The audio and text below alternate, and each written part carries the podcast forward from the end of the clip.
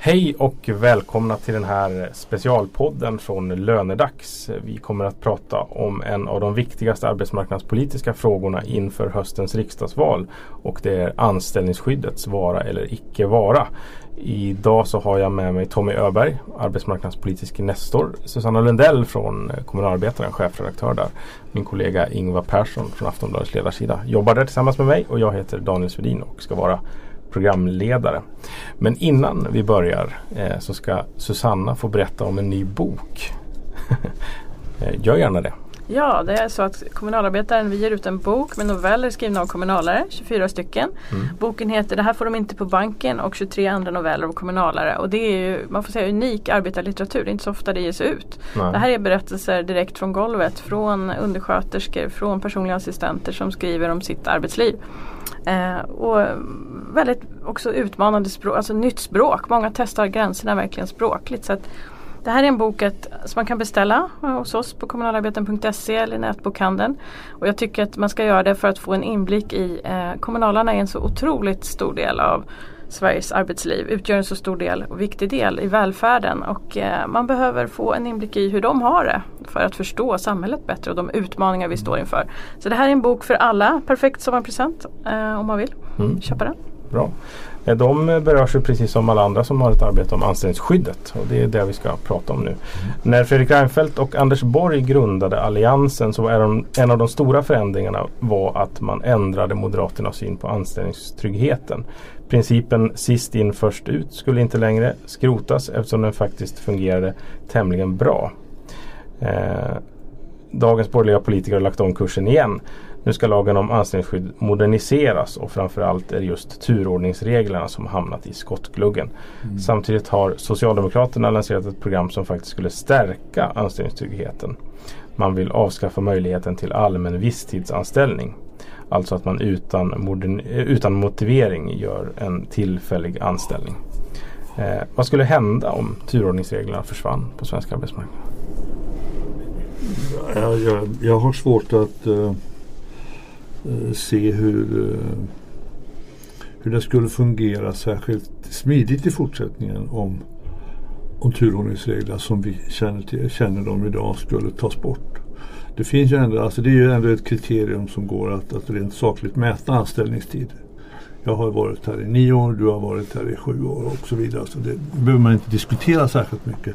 Om man tar bort det och säger att nu ska vi ta mycket mer hänsyn till kompetens. När, så kokar ju allting ner till den helt avgörande frågan. Vem avgör vem som är kompetent och inte? Om det slutar med att arbetsgivaren ensam eller suveränt avgör detta då finns det ingen förhandlingsposition kvar för de anställdas organisationer vid neddragningar, vid uppsägningsförhandlingar. Det finns inget att förhandla om. Arbetsgivaren pekar ut om han eller hon vill bli av med och vi är tillbaka alltså, i en situation som, som kanske, ja vi får gå 50 år tillbaka i tiden. Så jag kan inte ens, jag får, jag får inte in i mitt eget huvud hur skulle detta på svensk arbetsmarknad ens kunna fungera. Det, det måste leda till oändligt med social oro, sammanstötningar, kontroverser, oenighet kring neddragningar, ett ointresse av att medverka till eh, förändringar utav inriktning på verksamheter som kan innebära uppsägningar och så vidare. Så risken för att då hamna väldigt illa till är alldeles för stor. Så att nej, det, alltså, utan turordningsregler förstår jag inte riktigt hur det här ska gå till. Hur bedömer ni att motiveringarna ser ut då från Alliansen? Är det ett problem för arbetsgivarna som gör att man ändå vill jag tycker att alla gånger som, som det där Jag tror att man måste skilja på arbetsgivare och arbetsgivare. Jag tror att det finns eh, små, kanske till och med ibland medelstora arbetsgivare som kan ha bekymmer vid en uppsägningssituation. Alltså de är, kan vara pressade ekonomiskt, de har inte så mycket resurser att ta till för att så att säga köpa sig en turordningslista som, som man då kommer överens med det lokala facket om genom att erbjuda avgångsvederlag eller alltså schyssta villkor för omskolning eller vad det nu kan vara. Men det kostar då någonting. Mm. Har man inte de resurserna så kan det säkert vara besvärligt i vissa lägen. Men för de allra flesta arbetsgivare så kan jag inte se att, att det här utgör något som helst bekymmer. det bara rullar på och dessutom görs det ju undantag ifrån turordningen nästan jämt. Beroende på att den organisation som är kvar efter en neddragning ställs det vissa krav på de som ska utföra arbetsuppgifterna.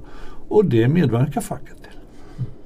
Man, alltså, jag, jag känner att det är några saker som man kan beskriva det som myter i, i liksom debatten om hur anställningsskyddet ser ut i Sverige. Det man brukar kalla för arbetsrätten. Vilket ju, men, och det första är ju att, att det skulle vara svårt att säga upp folk i Sverige. Det är det inte. Tvärtom. Det är både liksom lätt och billigt för arbetsgivare. Om arbetsgivaren säger att det råder arbetsbrist.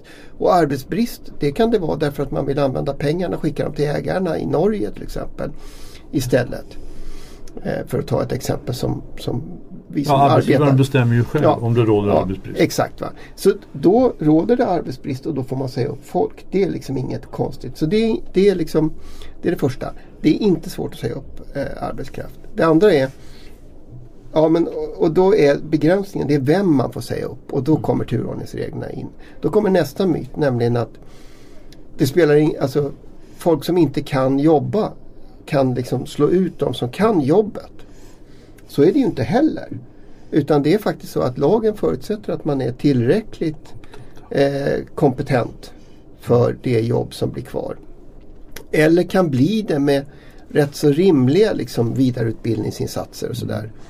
Eh, så det, det, är inte, det är inte heller sant att liksom, man skulle bli stående kvar med arbetskraft som är alldeles fel. Det här, de här exemplen som har dykt upp att vi behöver ingenjörer men, men kvar står vi med en massa svarvare. Eh, det finns inte i verkligheten. Ingen gång har det inträffat därför att lagen är inte så konstruerad. Så det är också en myt. Eh, som som liksom, eh, dyker upp. Och, så, utan kvar finns att turordning, alltså det anställ, den anställningstrygghet man har i, i den svenska ordningen. Den har man i, i kraft av turordningsreglerna. Det är liksom det anställningsskydd vi har. Tar man bort det så finns det ingenting kvar. Då är det arbetsgivaren som bestämmer själv.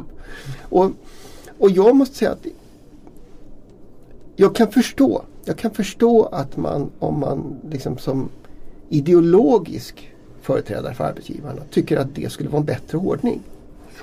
Eh, jag kan också förstå att det finns enstaka arbetsgivare som skulle vilja ha det exakt så. Inte behöva motivera att du får gå hem och jag vill ta in någon annan och sådär. Va? Eh, men jag tror att de allra flesta arbetsgivare när man tänker igenom situationen inser att ingen av de där sakerna skulle man vilja vara med i. Det kommer, att, det kommer att vara rätt tråkigt att vara, inte minst för de här småföretagarna. Och det var ju en sak som visade sig under den här stora industrikrisen för tio år sedan. Att, att det var rätt skönt för många av de här mindre företagarna att ha en regel att hänvisa till. För det var ju, det var ju sina kompisar man var tvungen att skicka hem när det inte fanns order längre. Och så att, eh, men det här är ju en sån, den bara kommer tillbaka och kommer tillbaka. Så att det finns ju åtminstone en uppfattning att det här är ett problem för arbetsgivarna. Alltså bland arbetsgivare. Och nu finns det politiskt stöd för den också plötsligt. Eftersom Moderaterna har lagt om. Ja. Vad, vad tror ni att facken skulle göra om det blir verklighet efter ett regeringsskifte? Jättesvårt. Jag tänker som Ingvar att jag tror ändå att det finns, det, det, det är ju en, en trygghet för båda parter ändå att ha någonting att luta sig mot den gången man hamnar i ett jobbigt läge. Mm. Att behöva faktiskt göra sig av med folk. Eh, så att jag, jag vill nog tro att man ändå på något sätt kan se att det finns så pass mycket bra med det här att man behåller den här modellen. Skulle det inte bli så så är det jättesvårt att spekulera i det känner jag. Politiska strejker. Är det något vi kan få vänja oss? Alltså kanske inte politiska. Det- Det här är ju det här skulle, alltså, den omedelbara rimliga effekten om man faktiskt liksom upphäver anställningsskyddet i lag. Det är ju att de starka fackliga organisationerna med strejkkapital sätter upp det överst på nästa avtalsrörelses kravlista. Vi vill skriva in en turordningsregel eller något motsvarande i avtalet. Och så får vi en jättestökig avtalsrörelse antagligen på sina håll. Och så kommer det att sluta med att vi får väldigt olika regler över hela arbetsmarknaden. Alltså de starkaste kommer att klara sig hyggligt och de svagare kommer då att eh, få pisk en gång till. Och det blir det blir effekten. Alltså jag, kan, jag kan ju se framför mig hur, alltså om vi tar Mm. Kommunal som exempel så är det klart att i uppgörelsen med SKL, Sveriges kommuner och landsting, så kommer det väl sannolikt en sån där förhandling att och, och kunna landa ganska väl, skulle jag gissa. Eh, I uppgörelsen med ridskolorna eh, så kommer det att bli väsentligt svårare att få hem Mm. några vettiga regler. Ja, För, för att bara ta liksom ett fack med den spännvidden. det stämmer absolut. Om man tittar på allmän visstid då, eller det här programmet för mer trygghet på arbetsmarknaden. Vad, vad betyder det om, om det försvinner som sossarna vill göra? Ja, det borde väl ändå liksom leda till fler tillsvidareanställningar på arbetsmarknaden och färre utav de här eviga provanställningar eller vad man nu vill kalla dem. Men, men det kanske finns någon eh, ny klurig idé om, om hur man då kringgår eh, så, regelverket så att man kan fortsätta och eh, anställa tillfälligt. Men i alla fall det är ett sätt att försöka mura igen ett hål. För, alltså, man ska ju säga det att, att med allmän visstidsanställning, just det att det inte behöver motiveras. Det är ju, ingen ifrågasätter ju att man behöver ha säsongsanställningar. Man kan inte ha folk anställda i skidliften mitt i sommaren. Eh, man, man kan liksom inte ha folk som är anställda för att sälja jordgubbar i januari. Det, sånt är inget problem. Det är inget problem att man behöver kunna ta in vikarier för folk som är, är borta från jobbet för att de är föräldralediga eller vad de nu är för någonting. Det är ingen som tycker att det är ett problem att man, att man behöver kunna anställa vid arbetstoppar. Alltså eh, särskilt. Det är ingenting av det där är ett problem. Det som är ett problem är just att man, att man kan anställa tillfälligt utan att ens berätta vad det är som är tillfälligt med den här anställningen. Eh, och och det, har ju, det, är ju en, det har ju i praktiken gjort att, att väldigt mycket av idén, det här med tillsvidareanställningar som grund, har, har försvunnit. Eh, så att det, det skulle väl vara bra. Sen ska, man, sen ska ju ingen inbilla sig som arbetsmarknaden ser ut med, med alla möjliga konstiga nya anställningsformer där du uppfattas som egen företagare eller uppdragstagare eller, eller det är alla sorters entreprenader hit och dit och, och allt det där långa kedjor och så. Att, att vi kommer tillbaka till att det här i sig själv skulle leda tillbaka till en arbetsmarknad där väldigt många fler hade eh, ett fast jobb som de liksom vet hur länge de kan gå till och så. Det, det är nog det är nog mer komplex fråga än så. Mm. I de här eh, liksom, korta avsnitten vi har gjort så har vi pratat om strejkrätten, om integrationen och anställningstryggheten. Och i det här så finns det ju väldigt stora politiska motsatser. Eller det, det man kan få intrycket att det är liksom ett systemskiftesval på allvar som vi går emot. Där Alliansen har flaggat för ganska stora inskränkningar i den modell vi har idag. Eh, håller ni med om att, det kan, eller att vi går mot ett systemskiftesval? Ja, om man, om man kokar ner det till att bara gälla arbetsmarknaden så tycker jag att, att de förslag som, som flera av allianspartierna har, har lagt fram indikerar att de, eh, de har mycket större intresse av att försöka blanda sig i frågor som traditionellt har varit partsfrågor under ja, snart ett sekel. Så de vill tala om vilka, lön, vilka grupper som ska få högst löneökningar. De vill ändra på reglerna när det gäller anställningsskyddet. Va? De har åsikter om hur konflikträtten utformas och så vidare. Och det är jag kan inte beskriva det på något annat sätt. Att ja, det är en, ett, de klampar in på ett område där, där vi i Sverige har varit ganska förskonade från detta. Vi har sagt att nej, vi har en bra modell som funkar. Men nu är de på väg in. Och det måste väl beskrivas då som att vi är på väg mot ett, att byta system. Mm. Upplever ni att, mm, att, det finns en förståelse för det? Eh, bland, alltså vad som står på spel eller vad som eventuellt kan stå på spel. Man kan ju tycka att politiken är bra eller dålig men det Du menar bland vanliga väljare? Ja precis. Det där är ju svårt. Alltså, då måste man ju ha klart för sig hur den svenska modellen fungerar Mm. och, och arbetsmarknaden. Och det tror jag, om man tittar på Fredrik Reinfeldt och Borg på sin tid så förstod de att det finns någonting gott ändå i att det här reglerar sig självt och parterna gör det. Jag tror att det finns, jag upplever att det finns en större okunskap i, faktiskt, i Alliansen också för fördelarna. Eller att man inte vill, man vill inte se det helt enkelt. Men kanske också hos vanliga väljare.